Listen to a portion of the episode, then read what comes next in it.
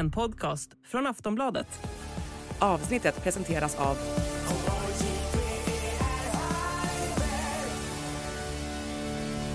Stödlinjen.se, åldersgräns 18 år.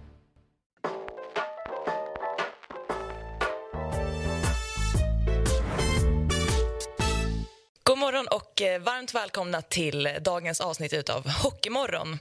Hockeymorgon är programmet där vi snackar ner det senaste och hetaste från hockeyns värld. Idag är det fredag och det är faktiskt inte vilken fredag som helst utan vi har NHL på besök i Stockholm. Eh, Och det kommer vi prata en hel del om i dagens program. Vi har också med oss eh, många eh, härliga gäster i studion och vi börjar med att säga varmt välkommen till Leifby som är tillbakabjuden efter förra veckans debut i Hockeymorgon. Hur känns det? Otroligt att jag fick komma tillbaka. Ja, kände du att du gjorde bra ifrån dig? Ah, två plus ungefär. Ja, du, du kör liksom stigande formkurva. Ja, jag ska upp på starka två plus idag. Ja, jag. snyggt. Men säsongen är ju lång, så att det är i slutspelet man ska vara som bäst har jag hört. Så är det. Mm. Så är det. Och varmt välkommen även till dig Simon. Du är väldigt återkommande här i panelen. Jajamän, Ja. tackar ska du ha. Är du pigg? Nej, det är som vanligt. Ja, men bra. Det är skönt att det, att det är som vanligt. Ja. Ja. Lite, lite segstartat, men vi kommer igång. Mm, härligt. Och varmt välkommen säger jag även till eh, Viaplays expert eh, Mattias Nordström. Mm, tack så Välkommen mycket. hit. Kul att vara här. Ja, men härligt. Vi är jätteglada över att ha dig här. Du har ju en eh, lång och gedigen och meriterande karriär. Över 900 matcher i NHL och ett VM-guld med Tre Kronor.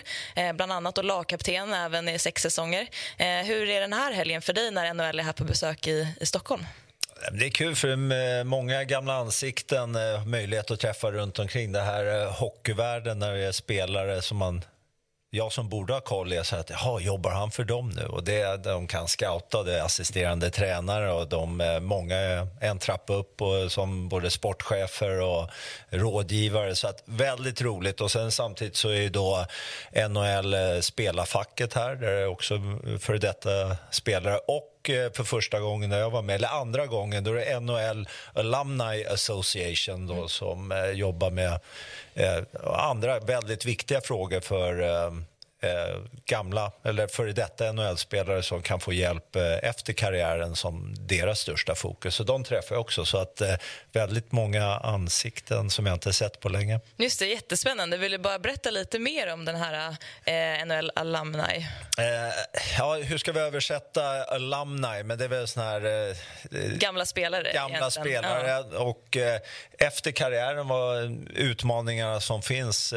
Tyvärr är det ju spelare som hamnar allting från i alkohol, drog, spelberoende, psykisk eh, ohälsa där inte det här skyddsnätet finns. Och framförallt för de spelarna som kanske ja, 60, 70, 75 års åldern eh, som inte har eh, råd och möjlighet att få, eh, få den hjälp de behöver för att eh, leva ett värdigt liv här i slutet. Och det, de har ju varit med och byggt upp den här ligan för min generation och vi har väl förhoppningsvis fortsatt och byggt upp NHL till de spelarna ser på isen idag, vad de kan ta del av. Så att eh, här tycker jag det är ett viktigt arbete som det här NHL Alumni Association eh, genomför. Där är ju en gammal lagkamrat till mig, Glenn Healy, gammal målvakt som är då ansvarar för det här, att eh, sätta ihop det. Och nu fokuserar man på Europa, att få i, i Nordamerika finns det här etablerat med att det finns kontaktpersoner även då i i Europa. Så att eh, om man behöver hjälp så ska det finnas nära till hands. Får jag fråga, är, är det spelare som slutar nu man hjälper eh, eller är det spelare som slutade för 20 år sedan? Som Både och, Ja. både och. Men man märker, det svänger lite. Om vi tittar för de som har slutat för 20 till 30 år sedan, då kan det vara allt från att man eh, inte har boende längre och bor på gatan till nuvarande spelare som precis lagt av så har det svängt från då problem med alkohol till eh, drogmissbruk och mental ohälsa. Det har varit pratats mycket tidigare om de eh, före detta fighters som hade den rollen där, eh, med självmord och eh, frågorna kring hjärnskador från då hjärnskakningar och så vidare. Så att eh, ganska brett, även då att hjälpa eh, familjer eh, om man har problem eh, i familjerna, att hjälpa individerna. Ja, men väldigt viktigt ämne. Och, Mm. eh, glad att du tar upp det här idag och det finns verkligen tillfälle att prata mycket mer om det här för att jag tror att det är ett, ett väldigt utbrett problem, eller uppenbarligen så är det det som vi behöver liksom diskutera öppet i alla möjliga kanaler. Och vi får säkert tillfälle att återkomma till det. Men du var också kommentator på matchen igår, Mm. eh, liksom med din professionella roll där på Viaplay. Vad tyckte du om, om den matchen då mellan, eh, eh, vilka var det, Ottawa och Detroit? Ja, men det var en bra match. Eh, Framförallt eh, tidigare, när de började med NHL Europa, då fick vi ju se dem på försäsongsmatcher där man eh, egentligen, som jag tyckte då, som spelare, inte fick valuta för pengarna riktigt. Därför det, försäsongen är ju till för att testa och eh, många spelare och varva upp till eh, den här långa säsongen börjar. Men nu får vi ju se dem när de är 15-16 matcher in. Nu är det viktiga poäng de spelar om och de har om man säger värmt upp på riktigt. Och Det är väl det jag tycker är kul, att de kommer till Europa och man får se det när de är i hög form och det finns lite andra intressanta saker att följa. Det har ju börjat bli eh, i tabellställningarna. Det är individer, om vi tänker på William Nylander som har en poängstrik att hålla vid liv. Och då blir det tycker jag, mer intressant att se de här matcherna. Så igår levererade de. Jag tyckte det var bra hockey. Eh, Ottawa eh, tog en 4-0-ledning. Detroit kom tillbaka, gjorde 4-4 och sen eh, avgjordes matchen med två sekunder kvar på övertid. Så att, eh, jag tycker jag representerar en bra NHL-match. Det var underhållning hela vägen. Jag bjöd verkligen på dramatik. Du, det är sällan ni, jobb, ni jobbar att ni är på plats på matcherna i och med att det, det, det är borta i Nordamerika. Hur var det att eh, ni är på plats och ser matchen? Ja, det är överlägset faktiskt. Och i, i, I fjol var jag i Tammerfors med Niklas Holmgren och vi gjorde när Colorado Columbus spelade där. Och sen har vi haft förmånen under hockey-VM. Och, och när man ska sitta då, Holmgren som kommentator, jag ska vara sitta... Det är mål! Ja, det är bra! Det är gurgel! Man hör alltid hans liksom, röst i huvudet. när röst. om- Ja. Då vaknar man till. Det är bra för mig när jag sitter bredvid. Då vaknar jag också till ibland. Nej, men man får en annan... Man kan ju sitta och titta lite bredare från den platsen vi har. Då. Man ser lite vad som händer nere i båset.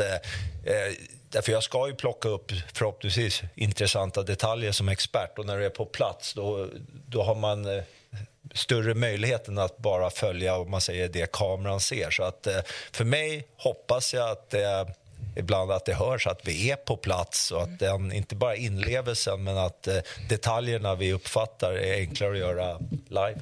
Mm. Men du, har ju, ja, du pratar om inlevelsen och sådär. Och NHL får ju ibland kritik från Sverige att det, man är lite för kommersiella och Sverige liksom försvarar ju sin supporterkultur. Hur var egentligen liksom trycket i Globen igår? Ja, men det var bra, men man får lära sig en annan supporterkultur. Och, eh, jag var förvånad igår, jag hörde mer engelska runt omkring på läktaren än vad jag hörde svenska. Så att det är många tillresta fans då som är jag tror en hel del europeiska fans också. För det, var ju, det finns ju tyska spelare i båda lagen och folk som tycker att det är avståndsmässigt, resmässigt eh, ja, passar bra att åka upp till Stockholm än att eh, korsa Atlanten. Valutaeffekten. Valutaeffekter effekter med dollar, euro, absolut. Det spelar säkert in också. Ja. Får jag ställa en jättedum fråga? Efter Stockholmsmatcherna här, åker de tillbaka till Nordamerika då eller ska de göra de ytterligare stopp i Europa? Nej, det är tillbaka till Nordamerika och där var NHL var tydliga med att då finns det tid för återhämtning med tidsskillnaden eh, innan de kommer spela nästa tävlingsmatch då i Nordamerika. För jag får upp känslan av att alla tycker att det är gött att komma hit också. Inte bara de som tittar på utan även spelarna. Eh, Svenskarna förstås tycker att det är mysigt att komma till Stockholm. Jag hörde att Detroit hade varit på Sturehof häromkvällen. Beställt in 22 eller 25 toast Skagen och sen 25 entrecote. Lukas Raymond stod för notan tydligen. Bra beställning. Mm. Eh, Så att de är väl ute och vimlar lite också i nattlivet kanske. Ja, jag, jag, faktiskt, jag säger så här, jag hoppas det. Eh, För att det, det, handlar mycket om att få ihop den här gruppen. Och vi pratar väldigt mycket om det och jag hörde det senast igår när man frågar dem. Det var många spelare igår som har vunnit med Niklas Lidström som eh, eh, då släppte pucken innan match och delade ut pris till matchens lirare. Att få ihop den här gruppen, det är någonting Ska du vinna så måste du lyckas med det. Och eh, jag tror man ska, eh, såna här resor, såna här tillfällen är en möjlighet att göra det. Att, eh, även för de här, jag brukar alltid säga till amerikanarna och kanadensarna, de sa alltid ja, hur är det over there? Och jag sa, men jag är ju faktiskt från Sverige, det är ett land i Europa. Aha. Så att det är bra, kanske de får lite utbildning här också när de kommer över och upptäcker inte bara nattlivet men eh, ja, för dem blir det nu Stockholm och de saker som finns här. Så att, eh, bra möjlighet för dem. Jag pratade med en kompis som hade snackat eh, med någon NHL-representant i samband med ett jobb för några år sedan. Så hade han frågat sig vad är det bästa med att jobba med NHL som du gör. Så tänkte hon efter några tjejer som bara, must be the European trips. Då var det det som var liksom, ja vad är det som är så häftigt med att komma till Stockholm? Så, ah, bo på Grand. och det kan jag förstå. Ja. Jag vill också flyga business till Stockholm och ta in på Grand och inte behöva använda kreditkortet en hel vecka. Nej, man bara åker med. Ja, helt någon som enkelt. tvättar kläderna. Ja. Men jag har alltid tänkt, eh, alltså de, de landar ju inte för så många dagar sedan. Tidsskillnaden, hur snabbt eh, liksom kommer man in i det? Ja, men det, det vet ju alla som har åkt över att det, det tar ett par dagar men samtidigt så är man ju här bara för att spela hockey och leverera på isen. Så att eh, du får dina timmar sömn även om det inte är när du vill ha dem. Och eh, återhämtning, ät bra. Och så ska det bara egentligen, det ska inte vara några problem för det ska inte påverka spelet på isen tycker jag överhuvudtaget utan den här resan hit, eh, många som upplever tuffare än tillbaka till Nordamerika. Man kan vara mossig en vecka nästan om man Ja, och jag brukar säga om man är det om man sitter och känner efter så brukar man mosse. Och eh, därför rekommenderar jag även de som inte håller på med någon idrott egentligen. Men eh, ut och rör er fysiskt när man gör den här med tidsskillnaden och ät ordentligt och försök aldrig sova igen eller börja tajma in. Utan är du trött, eh, lägg dig och vila en liten stund och eh, rör på det så går det ofta snabbare. Mm. Jag ska återkomma till eh, NHL i Stockholm lite senare i programmet. Och nu ska vi fortsätta kanske prata om lite prestation och så vidare när vi går in på din karriär. Och seniorkarriären började ju i AIK eh, tillsammans med många namnkunniga personer men framförallt då kanske Börje Salming. Eh, hur mycket betydde den relationen med dig och liksom att få spela med honom i två år för att du sen tog steget över till NHL eh, som 21-åring? Ja, drömmen, eh, började Börje är väl en av de spelarna för mig som väckte drömmen att eh, NHL eh, finns. Eh, det, det är möjligt och, och på det sättet han eh, spelade hockey tilltalade mig väldigt mycket som ung. Då. Och att som 19-åring när man är i den där åldern när man ska agera väldigt coolt och så här, att komma till eh, till AIK. Eller jag var i AIK som junior, blev utlånad ett år till Mora, tillbaka till AIK. Då var Börje Salming där, 41 år, jag var 19. Och det var ju egentligen... Ja, det är en perfekt situation för en ung spelare för att utöver det han gjorde hockeymässigt på isen så är det ju en, eh, Eh, var en ledare i omklädningsrummet. Och faktiskt, eh, när vi var inne på det tidigare, när Leifby pratade om en ledare utanför. Han var noggrann med att alltid inkludera hela gruppen, vad man än gjorde. Och eh, ville att alla skulle delta i de här kallare aktiviteterna utanför. För att eh, han på tidigt, eller för mig i tidigt sa, för honom, han visste att det här att igen få ihop den här gruppen, att vi gör saker tillsammans är så viktigt om vi ska ha framgång på isen. Så att börja betyder mycket för mig när jag kom så ung till AIK. Det sägs ju att när han skulle flytta hem till AIK att han ringde till kansliet och bad om en lagbild. Va? Eh, och så var det någon som undrade vad du med det till? Nej, han skulle läsa alla namn på alla spelare innan han kom. Det säger mycket om honom som person. Absolut, det är att, eh, att man ska uppmärksamma alla. Utan, eh, han kanske kunde innan ett par namn. Och då blir det ofta på toppspelarna med att eh, känna igen alla när du kommer in i omklädningsrummet. Att eh, Börje Salming ska kunna ditt namn betyder ju väldigt mycket. Och, eh, framförallt som ung spelare, om han vet att jaha, vem jag är, då, då går man lite rakare i ryggen. Ja, du fick ju många fina värden med dig, låter det som, när du sen flög över till eh, NHL och spelade med New York Rangers med eh, då svenskhatande Mike Keenan som coach i New York Rangers. Stämmer det? Nej, jag ska inte säga att äh, äh, svenskhatande. Ska jag dra det så långt? Människohatande.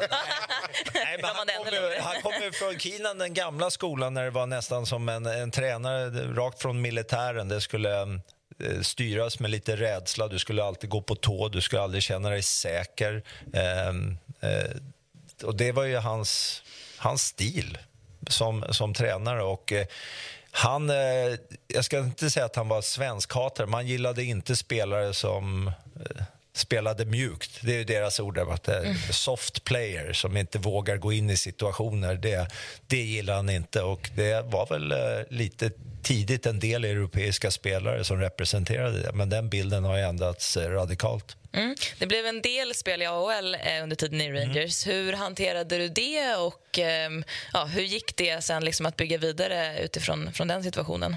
Jag visste väl förutsättningarna. Rangers var väldigt tydliga med mig när jag skrev på kontrakt och åkte över att eh, du är inte en NHL-spelare i våra ögon idag utan du kommer spela i farmalaget. Eh, Rangers hade väldigt bra lag väldigt bra backbesättning. Så att jag, var väldigt, jag visste förutsättningen att det skulle bli eh, AHL-spel. Jag var ändå förvånad kanske att eh, första året jag spelade nio matcher i NHL mer än vad jag trodde det skulle bli. Så att den här resan den var jättenyttig för mig eh, på grund av att det var många unga spelare i Binghamton som det de, de såg tidigt att Binghamton var ett utvecklingslag för deras NHL-lag som idag är det, det är det de bara är till för. Men på den tiden fanns det ju mer att AHL hade, de var lite stoltare över sin egen liga, att det var viktigt att vinna där. Så man kombinerade också veteraner med då sina unga spelare.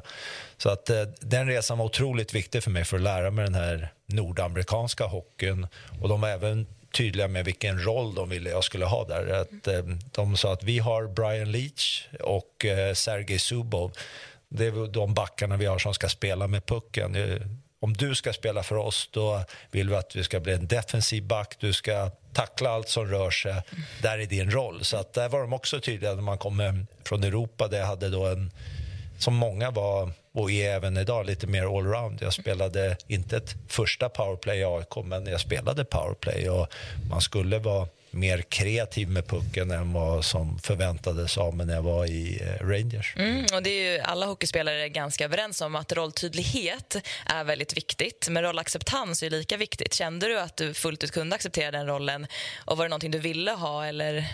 Eh, jag, jag, tänkte då, om jag tänker tillbaka, ge mig vilken roll nu är så kommer jag acceptera den. För det, så stor var min vilja och min dröm att spela i NHL. Så tala bara om vad jag ska göra så gör jag det. Mm. Är inte det mycket vanligare i Nordamerika än det var i Sverige? Roll, att, att du hamnar i en roll? Ja, jo det är det. Och kanske bara ännu mer rollfördelning om vi går tillbaka 20 år eh, när en, en fjärde kedja det var det var en ren fysisk eh, element lite ibland för att skrämma motståndaren. Idag är, har du andra förväntningar på din fjärde kedja. Men jag tror det är viktigt oavsett vad man håller på med att acceptera sin roll. Och sen får du få förklarat för dig varför du har den rollen och att du själv åt andra hållet har önskemål om du vill utveckla rollen. Eh, så att eh, det finns ju många aspekter men jag tror det är viktigt. Ska du ha framgång som grupp så måste du acceptera sin roll. Cool fact a crocodile can't stick out its tongue. Also, you can get health insurance for a month or just under a year in some states. United Healthcare short term insurance plans, underwritten by Golden Rule Insurance Company, offer flexible, budget friendly coverage for you. Learn more at uh1.com. Ja, tänker på Otto Blomsten. Han hade väl liknande roll som du kan tänka mig. Ganska defensiv back och sådär. Eh, han, han slog en sån fantastisk smörpass en gång till en spelare som blev fri och gjorde mål. Då kom coachen fram och sa till honom snygg passning Arto, men det gör du fan inte om. det, det ingick som inte i rollen. Nej, det gick inte bra. Nej, riktigt så. Jag tror, det har jag aldrig fått höra, men lite åt det hållet var det ju. Liksom, att, uh, gör det som är förväntat av dig så kommer du spela i den här ligan i många år. Mm. var väl egentligen det budskapet jag fick. Men Rangers vann ju det året, mm. 93-94, det senaste gången de vann Stanley Cup. Var du med någonting på festligheterna efteråt? Ja, vi, då blev vi faktiskt på vårkanten där. Då var det det som de alltid kallade det här Black Aces, de här extraspelarna. Och där, om vi går från en ledare med Börje Salming i New York Rangers och kapten där var Mark Messier och det lite NHL var väl kaptenernas kapten som man kallats många gånger. Och där, det var samma, om man säger med Mark Messier det här att eh, han var alltid framme och pratade med oss Black Aces. Hur viktigt det var att vi var en del av gruppen, om det var restaurangbesök, vad vi än gjorde. Att, eh, fick oss att känna att vi var en stor del. Och han sa det, att eh, ska vi gå långt i slutspelet så kommer vi få skador. Och eh, eh då behövs ni. Så liksom, förbereder som om att ni skulle spela eh, varje match. Och, eh, det gjorde jag. Så att vi, jag fick eh, ta två isuppvärmningar eh, under det slutspelet och det var faktiskt i finalen. Mm. Eh, match eh, sex i Vancouver och match sju i Madison Square Garden var jag isuppvärmning. Men efteråt sa jag det till många att det var tur att inte jag fick spela då. För jag har aldrig haft åkt så många varv på en isuppvärmning, så här lätt övertänd eh, 21-åring. Så att eh, det var en skada på en av backarna, Kevin Lowe, som var eh, tveksamt. Men han spelade både match 6 och 7, så det blev inget, eh, ingen slutspelshockey för mig. Men två isuppvärmningar, det var så nära jag kom. Ja, men du har ju verkligen fått ha liksom, bra kaptener. Då. Eller, jag vet inte om Börje Salming var kapten i AIK, men han var, dess, han var verkligen en ledare. Och sen som Mark Messier. Då. Och sen blev det en eh, resa till dig till Los Angeles Kings. Eh, och Du var där över tio säsonger och fick även vara kapten i sex år. Mm. Eh, hur var den tiden och hur var det att vara en av få svenskar som har varit kapten i NHL? Det var en otrolig fin resa. Alltså. Då- Det var en lockout eh, som skedde 95. Ehm, eh, där, då blev det AHL-spel för mig med Rangers farmarlag och då spelade vi 12 matcher framför allt. Eh, sex hemma, sex borta mot eh, det var New Jersey Devils farmarlag som hette Albany River Rats. Tränare där då var mm, gamla storbacken Larry Robinson. Och sen fick han jobbet som huvudtränare i Kings. Så jag tror att det var en av anledningarna att jag blev tradad, eller var en del av traden. För när jag kom ner till Los Angeles och första mötet med, med Larry när jag blev tradad från Rangers så sa han att eh, i, mina ögon så är du en del av eh, vad vi försöker bygga här nere eh, tillsammans med eh, Rob Blake. Och, och få höra det, då var jag väl 23-24 år, att eh, de ville ha mig som en stomme i, i Kings. Alltså det är ju en dröm. Så att eh, det blev en sta, eh, bra start på min tid i, i Los Angeles och också en väldigt bra fantastisk förebild och en av mina absolut bästa vänner med kaptenen Rob Blake där, där vi kamperade ihop, inte bara på isen utan när vi reste, bodde tillsammans i under fem års tid där. Mm, du var väl med när hans tröja hissades va? Mm. Eh, i taket? Och det kan jag säga, det är väl någonting av eh, det finaste någon har gjort för mig någon gång. Och då, därför det var hans familj på isen eh, skulle hissa upp hans tröja i taket och då sa han att det är en som jag vill ha bredvid mig som alltid har varit på min vänstersida. Och, så fick jag komma upp, stå bredvid Rob och hans familj när hans tröja åkte upp i taket. Så att det betyder ja, oerhört mycket för mig. Visst, visst är Rob, han, han är väl ett högdjur i LA? I, i Sans, han är väl GM idag? Eller? Han är sportchefen, GM för Kings idag. eh, Och eh, jag pratar med honom, håller kontakten hela tiden och frågar alltid hur kan du fortsätta lägga all den här tiden? För att han lägger tid, precis som han förberedde sig som spelare, så är, gillar han att vara mm, först nere på rinken på morgonen. Eh, så han är väl där senast sju på morgonen för att ha lite egen tid innan alla trillar in med möten till eh, att det är som matchdagar. Då kanske hemma vid midnatt, halv ett. Om, dag, om man har vunnit, går det bra så kan det vara lite såna här krismöten med tränare och allt. Så att, eh, eh, otroligt imponerad av den tiden han fortsätter att lägga på, mm, på hockeyn. Har du inte fått några jobberbjudande? Ja, det har jag faktiskt fått eh, från honom och eh, har eh, artigt med sagt nej, inte, jag är inte där ännu riktigt. Och då har han sagt, senast sa han jag kommer inte fråga något mer. Om du är intresserad, hör av dig till mig. Stående är... Nej, inte så, jag vet inte. Man sa, nu senast sa då får du höra av dig så får vi se. Så jag vet inte om det är så stående längre när man har tackat nej flera gånger. Det kommer nog komma eh, en fråga igen skulle jag tro med tanke på er relation. Men vi är inte riktigt klara med din karriär än för du har också spelat två OS med Tre Kronor. Och eh, vi har plockat fram en väldigt speciell match eh, enligt vår åsikt då, från, från de två turneringarna. Det var från OS i Salt Lake City då, då er match, premiärmatch mot Kanada. Eh, ett Kanada som hade ett otroligt stjärnspäckat lag med bland annat Mario Lemieux som kapten. Eh, vad minns du från den här matchen? Jag tror... Och här har vi ju Kanadas lag eh, till Ja. att börja med. Fan, det är bara... Och, eh, ja, om man följt eh, hockey länge och är ett fan så då är det många av de här namnen du känner igen och eh, imponeras av för att det är otroligt namnkunnigt lag. Man är nästan lite popmet där och sen så kommer det ändå på slutet Lindros, Ah. Pronger Jag tänker att nu, nu måste jag gå ner i kvalitet. Ett jävla lag. Ja, vilket jäkla lag. Det, det håller jag med om. Och, eh, vi hade ju även själva ett, ett väldigt bra lag. Exakt. Och, ehm, Där har vi det. ja, och när, jag, när jag tittar på den här inför eh, den här matchen så vi gick ju igenom den här laguppställningen också och tänkte så här, men det här, det här blir en utmaning. Men om, det här är nog den bästa matchen jag har spelat med Tre Kronor-lag när det gäller eh, tempo, eh, genomförande av matchen, spelet. Ni vinner med 5-2. Vi vinner med 5-2 mot det där laget. De hade ingen lösning på hur de skulle kunna knäcka oss. Det, därför vi hade tillräcklig grupp att du inte kunde fysiskt om man säger skrämma oss på det sättet. De eh, hade inte att de kunde spela ut oss. Eh, de hade inte den individuella skickligheten att de kunde eh, en mot en om man säger vinna den matchen. Så att det, det här matchen är speciell för mig för det tror jag är den bästa matchen jag har varit med i eh, med Tre Kronor. Mm. Det är den bästa matchen jag också har varit med om, med om kring Tre Kronor. li, lite Som bortglömt att Ja. Sundin gjorde nio poäng där. Tror jag.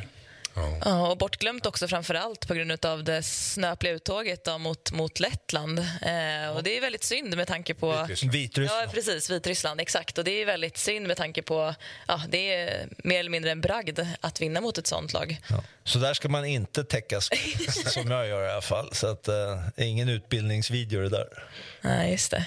Nej, men det, det måste varit häftigt att få vara med på, på isen i, i en sån match. Absolut, och samtidigt det man minns av den turneringen det är ju vår match mot eh, Vitryssland. Så att eh, då, då försvinner, tycker jag, lite av det vi, vi gjorde mot Kanada. Försvinner ju, Men det här var en vecka, mindre än en vecka senare ungefär. ja, mindre än en vecka senare. Men det, Hur många gånger hade du velat spela om den matchen? Varje morgon. Varje morgon, ja, så är det. Men... Nej, ska vi säga... Ingen gång. Nej. Utan nej, jag, det, det kan jag ju svara idag när man är gammal gubbe.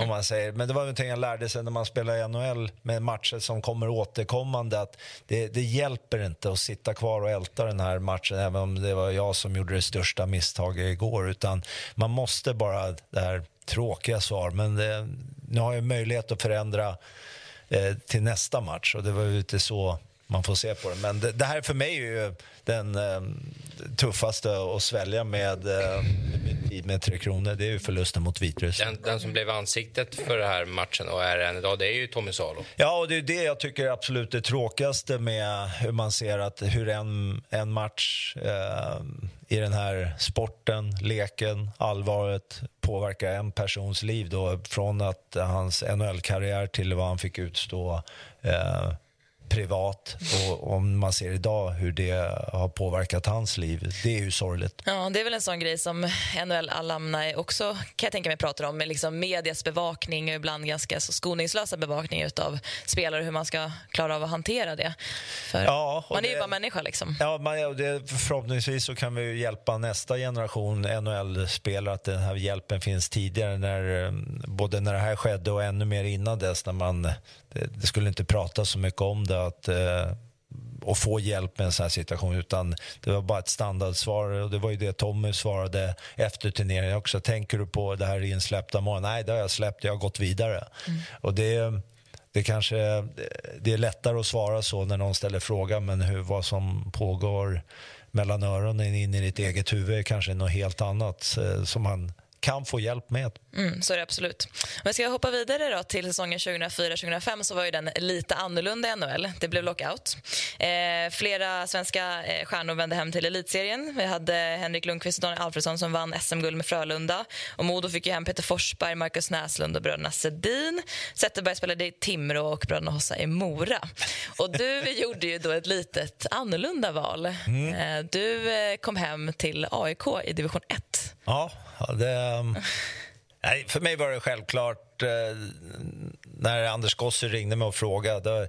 Jag hade hoppats det kändes dumt om jag skulle ringa upp och fråga, men Anders ringde och frågade vad, säger du om det här? Och då sa absolut, jag är på. Det här det vill jag verkligen göra. Och det, för mig var det ett litet sätt att eh, jag ska inte säga betala tillbaka, utan jag var lika glad att få dra på mig AIK-tröjan eh, när jag kom tillbaka under den här lockouten som jag var när jag fick dra på mig för första gången när jag spelade i A-laget eh, 91 med Börje Salming. Så att, mm. egentligen en ren ära att få representera klubben som har betytt så mycket för mig.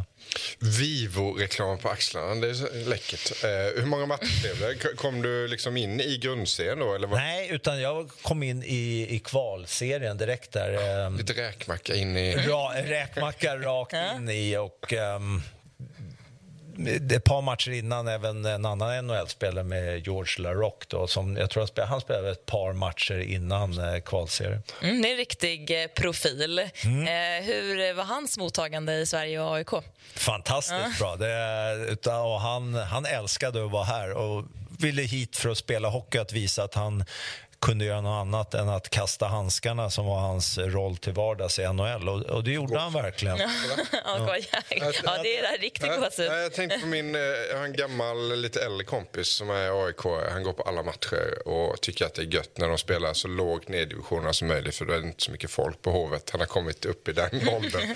Men han, han, det är hans favoritspelare. Han, han pratar alltid om La, La Rock. La, ja. La Rock, ja. La Rock. Ja. Ja.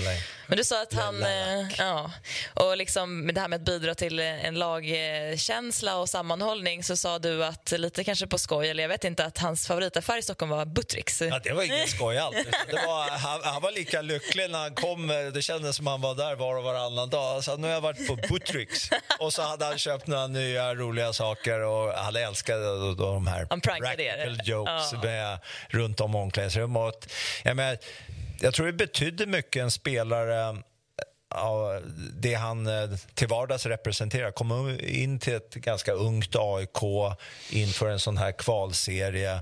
Det kan vara ja, kanske lite mer fysiskt spel.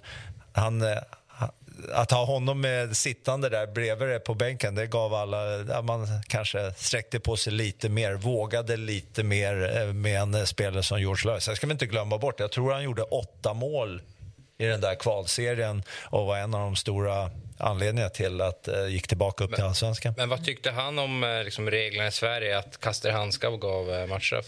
Han tyckte det var jättebra.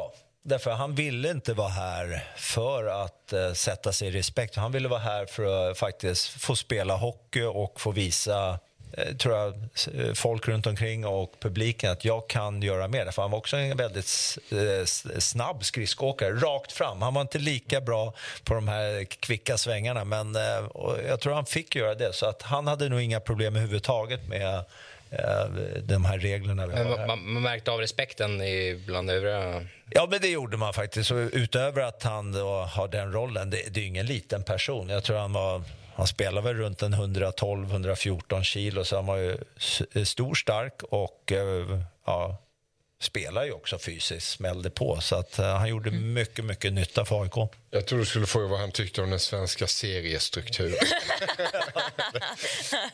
jag hörde någon historia om att han ska ha gått in i omklädningsrummet hos motståndarna och bara ställt sig mitt i och glott ut dem allihopa. Ja, utan att säga ett ord. Ja, jag kan inte bekräfta det, men det är ju risken när du har haft en sån där profil som han ändå var, att de här historierna de blir fler och fler och större och större. han, han, eh, han, han eh, Ja, han hade ett par roliga saker med såna incidenter. Han hade ju en, eh, en kusin som jag tror eh, Luc Grandpierre som mm. spelar i Troja Ljungby.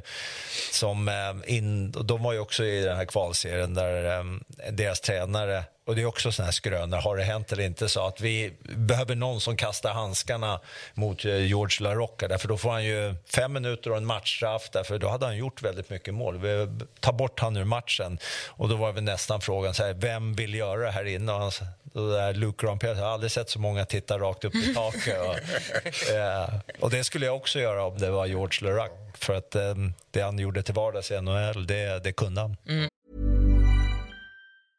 A lot can happen in three years, like a chatbot may be your new best friend. But what won't change? Needing health insurance. United Healthcare Tri Term Medical Plans, underwritten by Golden Rule Insurance Company, offer flexible, budget friendly coverage that lasts nearly three years in some states. Learn more at uh1.com.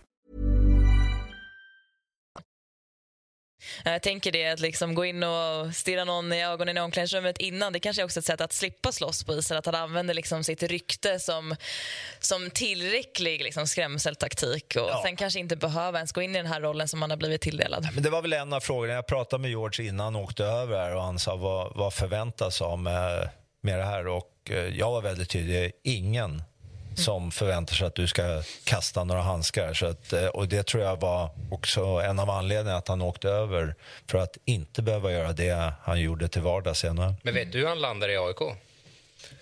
Ja, jag vet att jag pratade, jag tror egentligen, eh, det här var en typ av spelare som säkert hade svårt att hitta någonstans att spela under en lockout. Eh, som du sa, de andra lagen fylldes på av toppspelare men jag tror han, han och hans agent själv var ute och fiskade och frågade vilka kan vara intresserade av att jag spelar för dem. Och eh, AIK var ett av de lagen. Så jag pratade både med Anders Gossi eh, om Larocque, vad jag ansåg honom som spelare och eh, med George själv innan han bestämde sig för att åka över. Om man sa, är det här tycker det är en bra idé. Mm. Han fick ju lite ikonstatus ändå i AIK efter den här insatsen. Jag kommer ihåg att jag har spelat AIK nio säsonger och när AIK fyllde 100 år eh, 2021 så skickade han en videohälsning och då, ja, då vart alla AIK-supportrar väldigt glada. Fan, eh, sugen man blev på en lockout-säsong. Ja, faktiskt. du kom in så på redaktionen här på morgonen och stirrade ut alla. Ja, det är så jag brukar jobba, så jag känner igen mig absolut i det.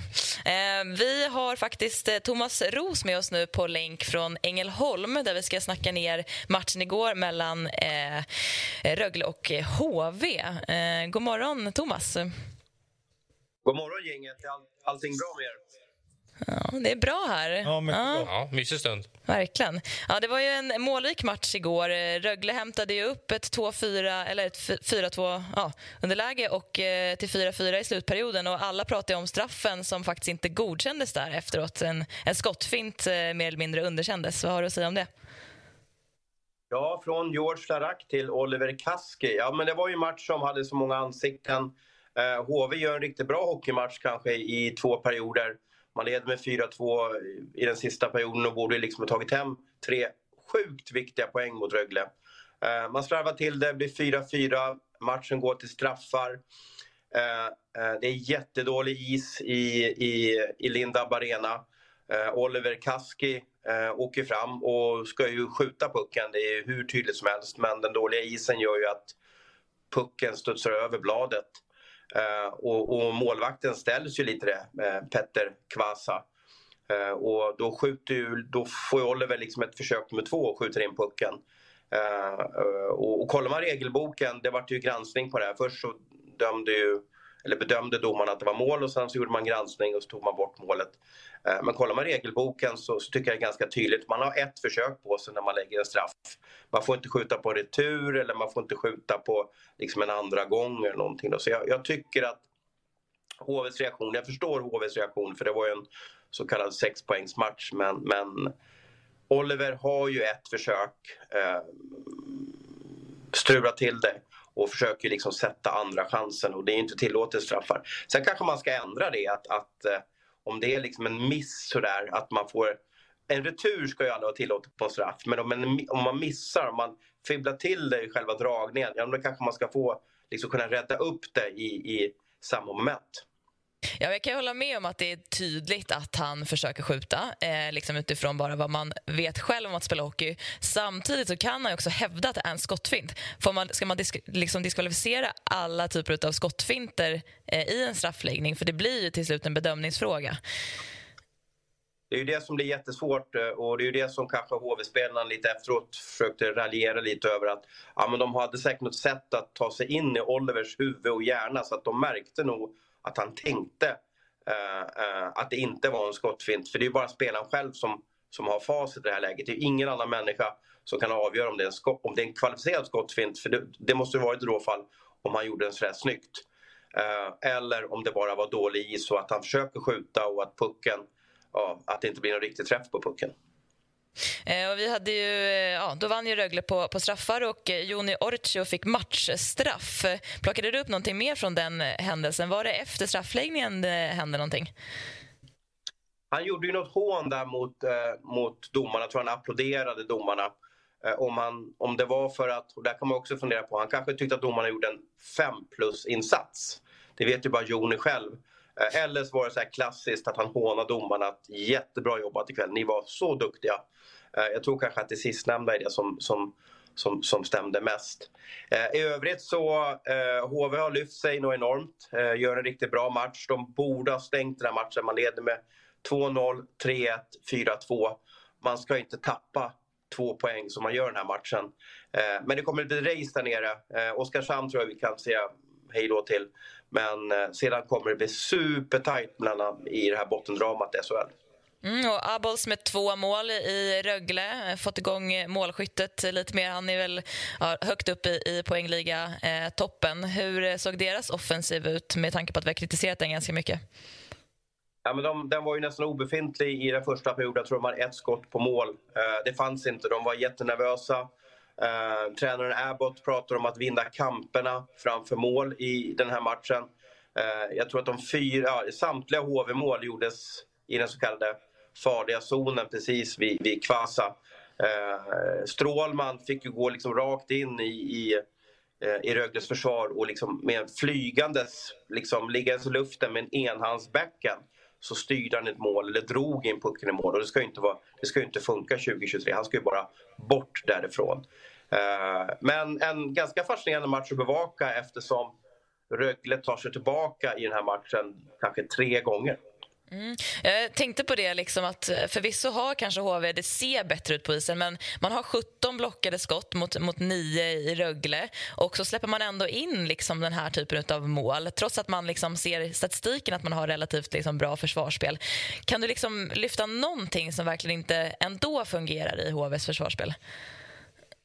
Eh, de har ju en lång trend av, av sämre resultat och jag tror att ett sånt lag, att det handlar mycket om det mentala. När, när man leder en match, det ser ut att gå bra, det rullar på och så går det emot. Man, man släpper upp 3-1 eh, till 3-2, man släpper upp 4-2 till 4-4. Jag tror att man blir jättenervös. Man, man, axlarna åker upp, håller i klubban lite hårdare.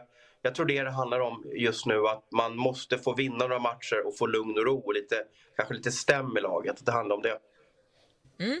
Vi tar oss vidare då, eh, till Örebro som eh, mötte Leksand igår och, och Leksand tog eh, en ny seger, femte raka. Vad tar du med dig från den matchen? Ja, nu var jag i Ängelholm och kollade på den matchen. Jag har bara liksom mm. följt den från distans och kollat lite highlights. Eh, eh, Leksand är inne i en jättebra trend nu. Fem raka segrar. Eh, det var någon som skrev att det var en av Leksands längsta eh, vinstsviter i högsta serien på, på jättelänge. Eh, och Örebro också är ett så kallat spöklag för, för Leksand. Så att, att Leksand åker ner dit och tar tre poäng eh, är ju jättestarkt. Speciellt när storstjärnan då, han som ligger i rymdbyxor två timmar per dag, Mark Rivik, eh, inte kunde vara med. Utveckla, utveckla det, rymdbyxor. Ja, men det får jag ju. Jag ska inte sätta på dem rymdbyxor. Det får ju Notan eller någon annan som är, är kunnig på det. Har du använt rymdbyxor, Notan? Det känns som att du ligger i rymdbyxor hela tiden. Nej, jag måste få lite förklara, men jag kan väl tänka mig att det är någonting som skapar lite tryck och, på den skada han har. För att, så att jag har nog prövat, eller fått prövat, allting från att man har kört isvatten genom några såna här eh, byxor till eh, att det har varit eh, värmebyxor till att de har blåst upp dem och tryck. Men jag vet inte, förhoppningsvis påskyndar det läkning, men ja, jag har bara jag tror inte det har med, med läkningen med, jag tror inte det har med läkningen att göra notan, utan jag tror att det är en grej som en del hockeyspelare gör hela tiden för att, för att känna att liksom benen ska vara pigga och man ska vara studsig i kroppen. En del spelare är väl så, och fyll gärna in här Johanna och Mattias, att en del dricker ju liksom vatten från, från Colorado, en del håller på med jättemärkliga vitaminer och, och sådär. Och jag såg Andreas Turesson, såg jag, var ju en hockeyspelare som också använde att han låg i sån här, liksom, någon typ av höghöjdstält nästan varje kväll för att liksom, må bättre. Uh, men det är ju vissa spelare som testar allting för att kunna bli någon millimeter bättre hela tiden. Spontant skulle jag säga att du Nota kanske känner att det är lite att dra det för långt.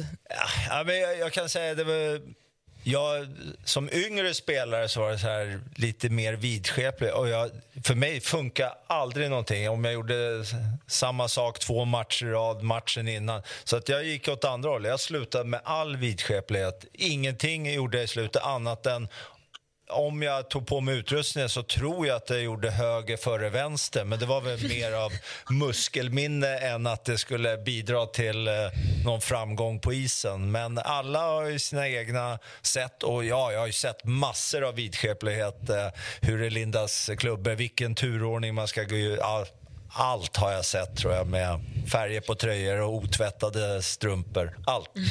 Thomas Roos är ju vidskeplig också. Han tar alltid med sig sin canvas-tavla och hänger upp på hotellrummet när han är ute och reser. Det är den där Det är det bakom. ser i bilden.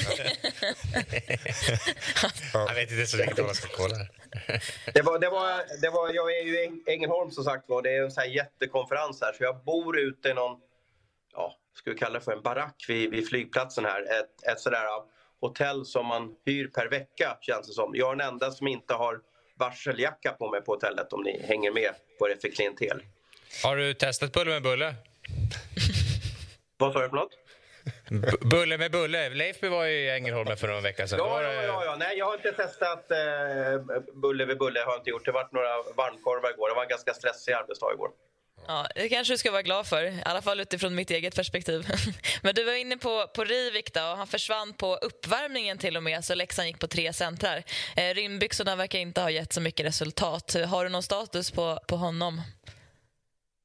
Eh, vi får väl kolla upp det under eh, dagen här. Eh, eh Rivik är också en spelare som jag tror känner efter ganska mycket. Det finns en del spelare sådana, så, att, så att är inte han helt pigg, ja men då kanske han liksom säger att jag hoppar idag. Eh, det kan mycket väl vara så att han spelar på lördag borta mot HV71. Leksand har väl dessutom en ny eh, ASS-coach i båset. Prins, han var med igår va? Som jag har förstått det så var han med i alla fall. Lirar du med honom nota någon gång eller i AIK där? Eh, nej, men jag känner ju igen honom som en gammal... Han har gjort många säsonger i AIK. Ju. Eh, Leksand, Ja, nog- sjätte, sjätte plats nu då. Hur långt kan det räcka? Ja du, eh, den här, eh, den här årets Förlåt. serie, det Ett känns som slutgiltigt liksom man säger... Ja men det känns som att, eh, ja men ja, topp 6 säger jag väl. Sen, sen är den här serien eh, eh, bisarr. Det är inte många poäng som skiljer lag 2 till kanske lag 10 eller 11. Eh, ja, här har vi serien framför, framför oss då. Det är ju oerhört jämnt så att vinner ett lag tre raka matcher så är man ju liksom topp fyra i, i serien. Eh, jag, jag tror att om vi ska vara liksom seriösa så får vi nog vänta till efter jul och se vad det är för tendens. Vilka lag som verkligen är topplag och vilka som är bottenlag. Mm, det är nog en jättebra analys. Eh, vi säger stort tack till dig, Thomas, och önskar dig en trevlig hemresa. Tack så mycket. Tack, tack. Tack ska du ha, Tompa. Eh, Vi fortsätter med Växjös eh, svängiga match borta mot eh, Skellefteå. Den har du sett, Simon. Ja, det var väl Marcus Sylvegård show. Mm. Väl tre hattrick under matchen och sen avgörande straff. Skytteligaledare numera, eh, Sylvegård. Jag gissar att han, eh, NHL-tema, jag tror att han kommer att testa vingarna där borta kanske nästa säsong. Eh, han känns, eh, känns som att han har ett steg till i sig. Otroligt eh, bra tycker jag han är. Så att han blev hjälte även fast Skellefteå gjorde en, en bra match. De sköt 40 skott eller något på, på en defensivt starka Växjö och kunde lika, lika väl ha vunnit. Men Sylvegård var skillnaden. Och Vä- Växjö är ju, de är ju fan tunga alltså.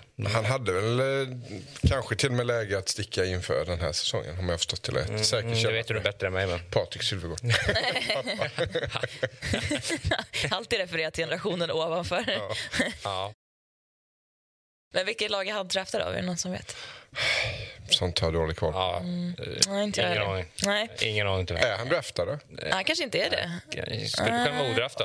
I så fall har han ett helt smörgåsbord att ta del av. Ja, men jag, ja, jag ska inte, men jag tror han är draftad. Ja, alla är draftade nu för tiden. Ja. Vi har ju satt krisstämpel på nästan alla lag i SHL i år och nu är Växjö tillbaka i, i toppen igen. Då. Och Skellefteå har väl haft en lite tyngre period. Ja, det som var väldigt intressant med Skellefteå, de har ju bombat ut på sociala medier att det här var ju Andreas Jonssons premiärmatch. Han är ju tillbaka från några år utomlands, eh, varit i NHL. Eh, skulle ju spelat igår, eh, tränat hela veckan, skulle in i första kedjan. Smögde ut på, eh, på, vid lunch igår att nej, han är skadad. Men det Okej, verkar, skadad? verkar ändå inte ha varit någon publikeffekt. Det var fyra och fyra i Skellefteå bara. Men de, har, de hade marknadsfört det som hans eh, debut. Stora återkomsten. Mm. Han har ju brorsan där också, Jonathan Jonsson. Han är skadad, ja. han, är han också skadad? Mm, han är skadad. Alltså, det var bara en lättkänning tror jag, på Andreas Jonsson. Han har inte spelat sen i mars. Tror jag, så att det är väl kanske ljumskar eller annat som, som, som stökar där. Jonas Jonsson är han också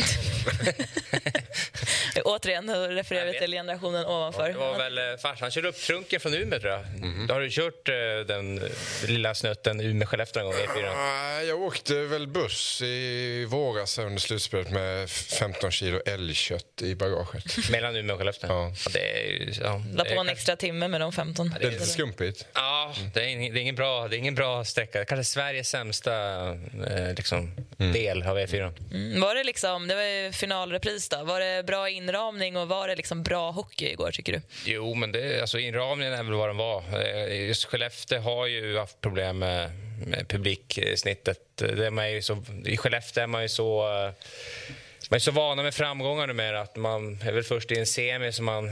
Ja, lite så är det ju. Sen så tror jag inte att den finalen eh, kanske lockar folk till ladan igen. För den var väl inte eh, den festligaste man har Nej, sett. Och Växjö- framförallt inte för Skellefteå som Växjö är väl inget inte kom någonstans. Nej. Vad, vilka lag skulle du vilja ha i en final? Förutom Tingsryd. Eh, Känns som någonstans SM-finalen 96 hatar du inte. nej, den är fin. Eh, men om det, jag vet inte. Det, Luleå, eh, Timrå. Ja, det är passande för vi ska faktiskt gå vidare till den matchen igår. Ja, eh, den såg du också? Ja. Ja, exakt. Eh, det var ju rånarluve på från, eh, från Luleå. Eh, de sköt 17 skott gjorde fem mål på, på Timrå. Mm, de låg under med 2-0 också va? Ja, Timrå helt överlägsna faktiskt första mm, halvan av matchen innan, innan Luleå vaknade. För Luleå var det viktigt att få igång sina stjärnor. Omark, tre poäng. Han har ju gått ganska knackigt i, i höst. Och eh, Pontus Andreasson, han har inte gjort mål sen du eh, var eh, 20 år eller på sig. Nej, men han har inte gjort mål på 13 matcher, Ja, Andreasson. just det. det måste Så, känna, känns väldigt ja, skönt för honom. Det Eh, var viktigt. Eh, De fick igång sina stjärnor och gjorde tre mål i powerplay. Eh, Så det- det var en sån där match när mycket, väldigt lite stämde, men de ändå hittade vägar att vinna. Ja. Timrå hittade vägar att förlora. Så. En bra citat från. Och sen Ja. är också viktigt i powerplay och, och 5 mot 5 hos Grekland som eh, befäster sin egentligen skytteligaledning med 11 mål nu. Ja, frå- eh, som sagt, jag tror att eh, Sylvegård gick om, eller så är de delade eh, skytteligaledare, Eklind och, eh, och Sylvegård. Men 11-12 mål på de båda. Eh, Oskar Eklind har ju lite från ingenstans blivit en otrolig eh, succé. Hinner du följa SHL och allsvenskan någonting? Nej, jag följer, men framförallt allsvenskan, för intresset ligger ju med hur det går för AIK där. Men ja, jag håller tabellställningen, men det blir inte... Har du? Det här gillar vi ju Det verkligen. blir ju en sexserieserie, SHL. Ja. SHL. Ja, men eh, AIK 3 nu då, eh, på 28 poäng. Det var, var ett tag sedan vi fick se dem där Ja, uppe. Och eh, ja, det är det här gamla tråkiga, men de har ju fått ordning på försvarsspelet.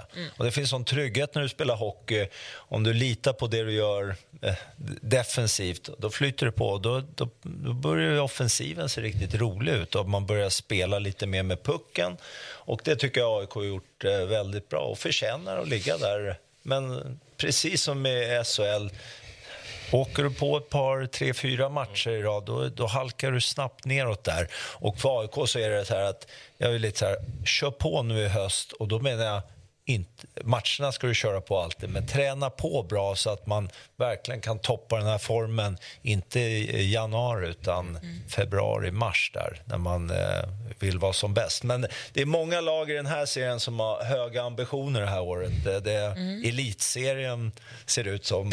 Ja, men precis. Lilla, lilla elitserien. Ja, verkligen. Ja, men precis. Björklöven toppar med eh, Brynäs Hackihal och igår, eller i onsdags hade vi ju en liten skräll eh, som glädjer dig, Marcus. Ja. Att Ting- Tingsryd vann ju borta mot Brynäs med 2-0. Lite skräll. Hitta kanske sätt- ändå inte. Hitta sätt att förlora där också, kanske. Jag såg inte matchen, jag noterade resultatet och då började jag kontakta alla mina TAIF-kamrater. Jag hade fullt upp med det. Sen så kom ju nyheten om att de eventuellt riskerade att förlora matchen på grund av den här fadäsen. Ja, jag var tvungen att ta en vända till med alla mina TAIF-kamrater och blöta det lite. Ja. Fadäsen var ju Pontus Netterberg då, Mm. som spelade matchen men som inte stod uppskriven i laguppställningen. Eh, det ryktas nu om att Brynäs inte kommer att anmäla det här men de riskerar ju att bli av med segern. Men kanske inte en jättestor risk. nej, jag tror inte det verkar som att det är så, tack Mm. och lov. Eh, Det vore ju tråkigt när man väl tar en skalp så kan man få behålla den. Det händer inte så ofta längre. Nej, men det, det är väl det där med att Netterberg har ju, han har ju varit registrerad och spelat matcher tidigare. Så, här, så att det är väl inte helt klart heller vem som har gjort misstaget här. Eller? Det snackades också om att Svehockey låg nere. så att gick inte Svensk få ut byråkrati. laguppställningarna för att dubbelkolla den ordentligt och sådär. Teorierna går varma i Det har hamnat lite i ett vakuum på något vis eftersom förbundet säger att vi ska inte ta upp det. Eh, Det är upp till Brynäs om de vill anmäla och då tycker Brynäs att vad fan, det är väl inte upp till oss utan det är väl upp till förbundet att reda ut sin sörja själva, ungefär så. Så där, där är vi Flyger de under radarn lite. och där får det gärna Stanna. Ja. När du säger att du kontaktar dina Tingsryds kompisar, kan du liksom lägga ut det lite grann? Vad, liksom, nivån av hets? Nej, absolut ingenting. Jag jag hade messat med min gamla far som har följt Tingsryd sedan 60-talet. På dagen så skrev jag lite ironiskt till honom så här, krossar vi Brynäs ikväll? Så svarade han bara, nej det gör vi nog inte, det blir nog bara en uddamålsseger. Och det hade vi väldigt roligt åt efteråt när de sen gick och vann, det var det ingen som trodde. Eh, men det, det är ganska lugnt. Jag är ju neutral och objektiv och sådär i min roll. Så, Du, dina ord säger en sak, ditt ansikte, ansikte säger ett annat. ja, nej, Jag är de också, är ganska ofarliga Tingsryd. Eh, Björklöven slog ju också Djurgården med 2-1 i sadden. Djurgården som kanske studsade tillbaks lite spelmässigt efter en väldigt stormig period med eh, tränarbyte och eh, ja, inte alla stjärnor är borta kanske, men i alla fall hälften. Eh, har någon av er sett matchen? Ja, tyvärr såg jag inte just den eh, matchen, men jag, som jag förstått det så eh, såg det bättre ut och eh, de har väl bestämt sig för att gå, köra vidare på Holmqvist i Båstad ett tag efter Garpen och det kanske är klokt. Ja, jag har förstått det som att han är väldigt uppskattad från Ja. juniortiden. Så utav de yngre spelarna i Djurgårdens SHL, eller i allsvenska laget så, så är han ju väldigt uppskattad. Finns det ändå inget superhett på marknaden så kan, kanske en sån som, det kan vara en bra intern lösning som man, man kallar det. Eh, och spelmässigt ska det ha sett okej ut. Vi får se då. Eh, de har ju gjort bra matcher mot eh, bra lag förut. Det är ju det är Kalmar borta och Tingsryd och sådana. Där brukar de ju inte tycka det är lika roligt att, att vara med. Nej, alltså om man vill vara riktigt eh, stöd i huvudet så här på fredagsmorgonen så kan man ju spekulera kring om nu Brynäs så här faktiskt anmälde eh, den här fadäsen mot Tingsryd och, och lyckas eh, vinna den där matchen i domstol. Då skulle det i slutändan kunna nu spekulerar vi ju, betyder att de kanske vinner serien och får den här avgörande matchen på hemmaplan och sådär. Då är det ju kanske, en- det är ju en fem, nej, ska inte väcka en bild på så. Nej, men du är inte fel. Varje var poäng är Jag tänkte faktiskt precis när du tog upp ämnet så tänkte jag också, tänk om det står sista omgången och så, då blir nästa fråga uppe i Gävle vem är ansvarig för att inte anmäla det här för att det här är vårt Ah, Det skulle ju också kunna vara tvärtom, så att, säga, att Björklöven förlorade den sjunde avgörande på hemmaplan på grund av att Brynäs skulle få tre poäng som de egentligen inte förtjänar. För Netterberg det har ju Nej. spelat för laget några matcher tidigare och sådär. Och de, ja, Men Visst. eh, vända på många spekulativa scenarion. i Ja. andra eh, aspekter kan det vara att eh, Tingsryd håller sig kvar med, med tre pinnar. Ja, De är ju sju, herregud, de är på säker mark. Det är ju snarare topp fyra nu vi tar sikte på. Ja, men vi ska eh, ta oss vidare. då. Vi snackade om AIKs eh, fem raka vinster och du följer dem lite närmare och eh, att de har sett bättre ut i år än på många år. Eh, däremot så har vi både Djurgården, AIK, SSK i Hockeyallsvenskan, Huddinge och Hammarby i division 1 eh, respektive division 2. Så Stockholmshockeyn nu ser väldigt annorlunda ut än vad det gjorde när du spelade eh, i, i AIK. Ehm, vad beror det på att Stockholmshockeyn är på dekis? ja, vi kommer nog dra över tiden. ja, eh, på seniorhockeyn skulle jag säga. Och, eh, då eh, juniorhockeyn, framförallt J20 men J18 också. Att, eh, där har vi sett i många år vad som sker i Stockholmshockeyn. Nu vann ju Stockholm norra TV-pucken igen. Och det är bara att veta att här, här finns det största underlaget i hela Sverige. Det finns i, i Stockholm med omnejd där vi får fram mycket duktiga hockeyspelare. Sen är det då kommer upp till junioråldern som leder fram till eh, seniorhockeyn. Och då är det ju då är det en hockeyutbildning. Därför då kommer du upp i den här åldern när du, när du, du väljer hockeyn och, och, satsar hårt på den och då styrs allting om man säger skolgång, hockeygymnasium. Och eh, i Stockholm, det är bara att erkänna, vi har inte alternativ som matchar vad som finns ute i landet när det gäller kvaliteten och eh, ekonomin kring det. Vi pratar alltid om den här gyllene triangeln för idrottsmän och idrottskvinnor när man ska göra en satsning med eh, boende, träningsanläggningen och sen då så länge det är skolan med utbildning att, eh, att man har den närheten och att det finns ja, ekonomin för de som erbjuder att kunna driva det på det sättet. Och då vet du bara med att skaffa bostäder mm. eh, till de här ungdomarna i Stockholmsområdet. Eh, intresset från eh, kommun och Stockholms stad med alla andra satsningar. Vi ser ju på om man säger mindre orter hur kommunen också ser ett värde i vad det här laget representerar och det är värt en del skattepengar att trycka in i de här verksamheterna som man inte gör i Stockholm. Mm. Mm. Ja, nej, men det är intressant. Jag tror också det har förändrats över 10-15 år. Eh, sättet man kanske uppvaktar de yngre spelarna. Det gjorde man inte på samma sätt för 15 år sedan kanske. Att Skellefteå var riktigt en 16-17-åring eh, på samma sätt som de är och gör idag. Nej, absolut är det så. Eh, och som du säger, eh, fin lägenhet i, i Umeå eller i Skellefteå eller i Växjö och fina faciliteter, bra träningsmöjligheter och sådär. Medan du i Stockholm måste konka på en tunnelbana. Och, ja, det är ju närhetsprincipen var det när jag växte upp och idag är det utöver eh, boende men man visar vilken framförallt träningsanläggningarna. Mm. Vad är det för någon hockeyutbildning? Och här åker ju då de här ungdomarna tillsammans med föräldrar eller föräldrar och titta på vad, vad ges den bästa möjligheten, tror vi, mm, mm. I, i de här områdena. Mm. Eh, och det, det kan vi inte erbjuda i Stockholmsområdet idag. Nej, vi slåss ju också mycket mot andra sporter. Det finns ju fler liksom, föreningar och idrotter överlag i Stockholm. Så liksom är alternativet att vi, vi inser att hockeyn kanske inte tyvärr är lika eh, viktig sett över liksom alla sporter längre i Stockholm och liksom överlåta det till landsbygden på något sätt för att sprida talanger eller ska AIK och Djurgården liksom försöka gå i bräschen för att återetablera, eh, återetablera som storklubbar?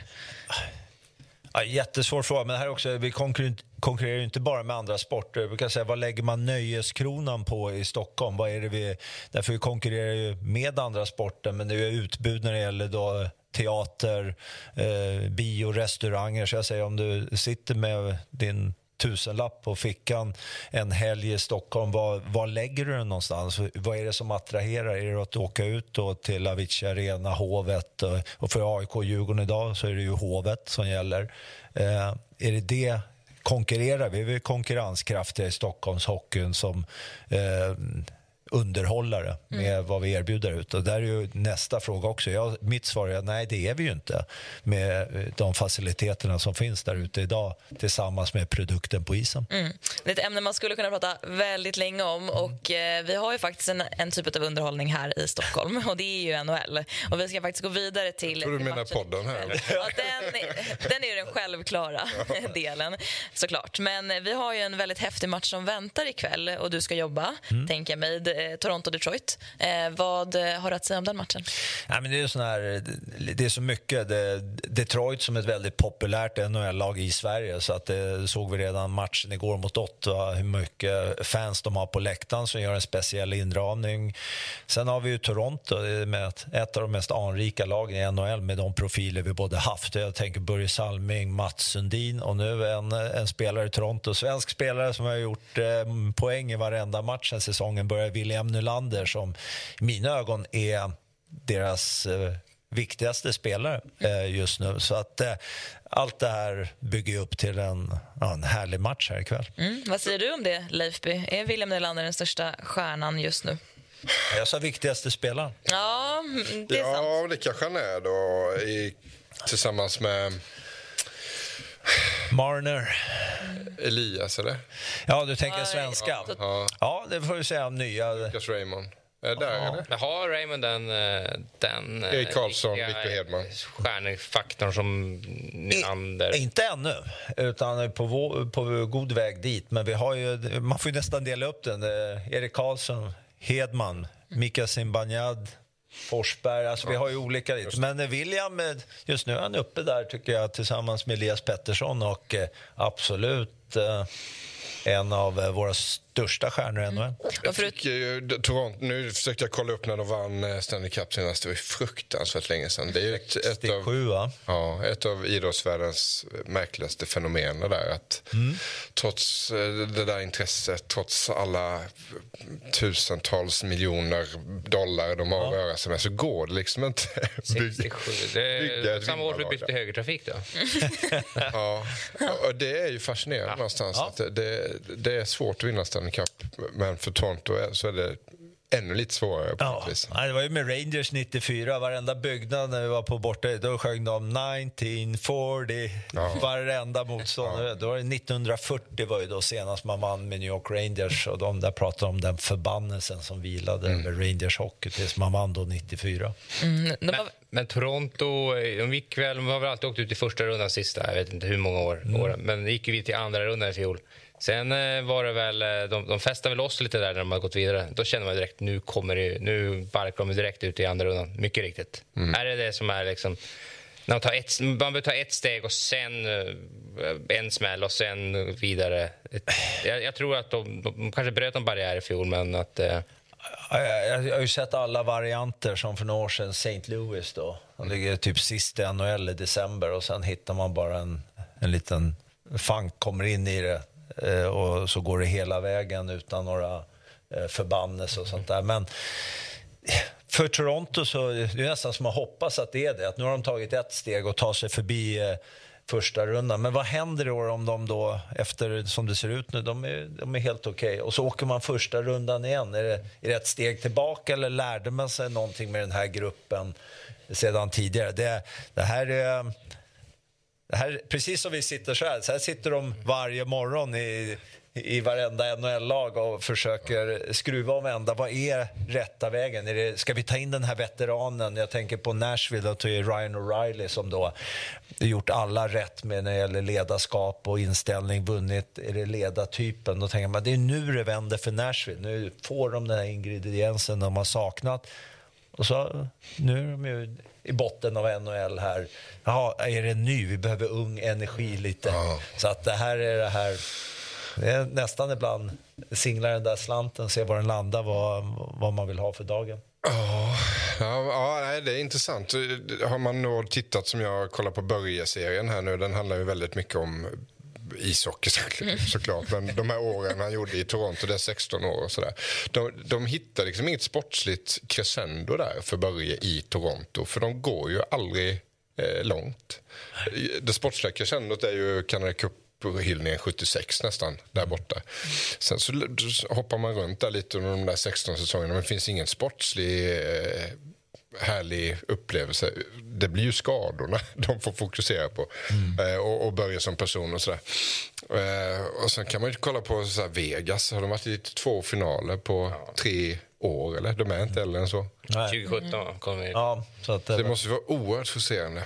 Ja, väldigt frustrerande för dem är är det ju och eh, ju mer, därför mycket av den här frustrationen läggs ju på nästa generation spelare som vet om den här, vad som finns. Eh, och det vet vi alla att, eh, eh, att leverera det gör man bäst när man är avslappnad, inte har pressen. Där får du ju med det.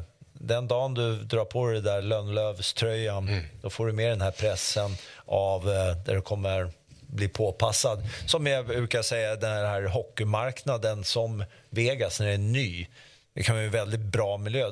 Vad hade det här laget och spelarna att förlora de här? De skulle etablera en ny, eh, liksom den här nytt franchise i, i Vegas och verkligen lyckas med det. Men de har också då haft en, en situation där de inte är särskilt pressade. Mm. Sen var det, lite, var det inte lite så här de oönskades revansch någonstans? De där, ja. de, när de fick plocka spelare Exakt. som då vissa andra ja, inte ville ha. Ja, men lite så, men inte vill ha. Utan här vet jag, det pratade, de får ju en lista med de får skydda ja. eh, visst antal spelare. Och jag vet att det är åt andra hållet också. Att man, det här är organisationer som har då sina 15 scouter, man har eh, draftat spelare, haft spelarutveckling. De har, av, av alla de man spelarutvecklar så är det inte en stor procent som sen blir NHL-spelare. In i organisationerna och nu ska man förlora dem i en sån här expansion draft. Så att eh, kanske lite som spelare att man kände sig den här, jaha, de, jag var inte värd mer än att de inte skyddar mig. Men som organisation, man har lagt så mycket tid mm. och så ibland tror jag nästan känns att nu får NHL, ha, nu ska vi ha två nya lag, nu ska ni nu får ni bara skydda ett visst antal. Så att, eh, jag tror kanske spelarna kände så mycket mer än de organisationerna som fick släppa spelarna. Mm, det är svårt att hålla det här perspektivet av att alltid vara närvarande i matchen, vad som händer på isen och prestera där samtidigt som man vet att det finns en större resa och plan för mig som spelare och oss som organisation. Men om vi kikar på ikväll då, har vi några slutgiltiga tippningar från samtliga i studion? tippningar? Fingrar slant. Ja, nej, eh, det har jag inte. Dra till med någonting bara. Nej, men det, det, jag ser ju väldigt sällan NHL-hockey. Jag har inte plats för det riktigt i mitt liv. Men en sak som skulle kunna få mig att sitta uppe om nätterna till våren det är ju om Toronto skulle gå långt. Då skulle jag fan sitta uppe. Mm. Så jag hoppas att Toronto vinner ikväll. Jag, jag, jag, jag, jag tänker att de går all in ikväll, slår Detroit, så är de ju lediga imorgon. Va? Så då kanske det blir någon, då kanske det blir en liten, eh, liten fest ikväll. Du, du skulle gå? så, nej, imorgon ska jag gå och kolla. Då kanske de får ledigt om de Ja, exakt. Och så kanske lite tyngre på söndag. Så jag tror att de, de, de liksom ser till att vinna. Då. Mm. 4-2. Så... Ja, jag, jag, tror på Detroit. Jag gillar vad de så, eh, hur det såg ut igår för dem. För att de eh, hade mycket mer puck, det var fin fart i deras spel. Så att, eh, jag, jag, jag, tror att eh, Detroit vinner kvällens match efter en riktigt sur förlust för dem i overtime igår. Mm. Eh, och, eh, övriga matcher i helgen då har vi Ottawa, Minnesota lördag och Toronto och eh, Minnesota på söndag. Eh, vi har faktiskt kommit till programmets slut så jag vill tacka er alla för att ni kom hit idag. Speciellt tack till dig. Eh, lycka tack till ja, under helgens matcher och tack för att ni har varit med oss och tittat och lyssnat idag.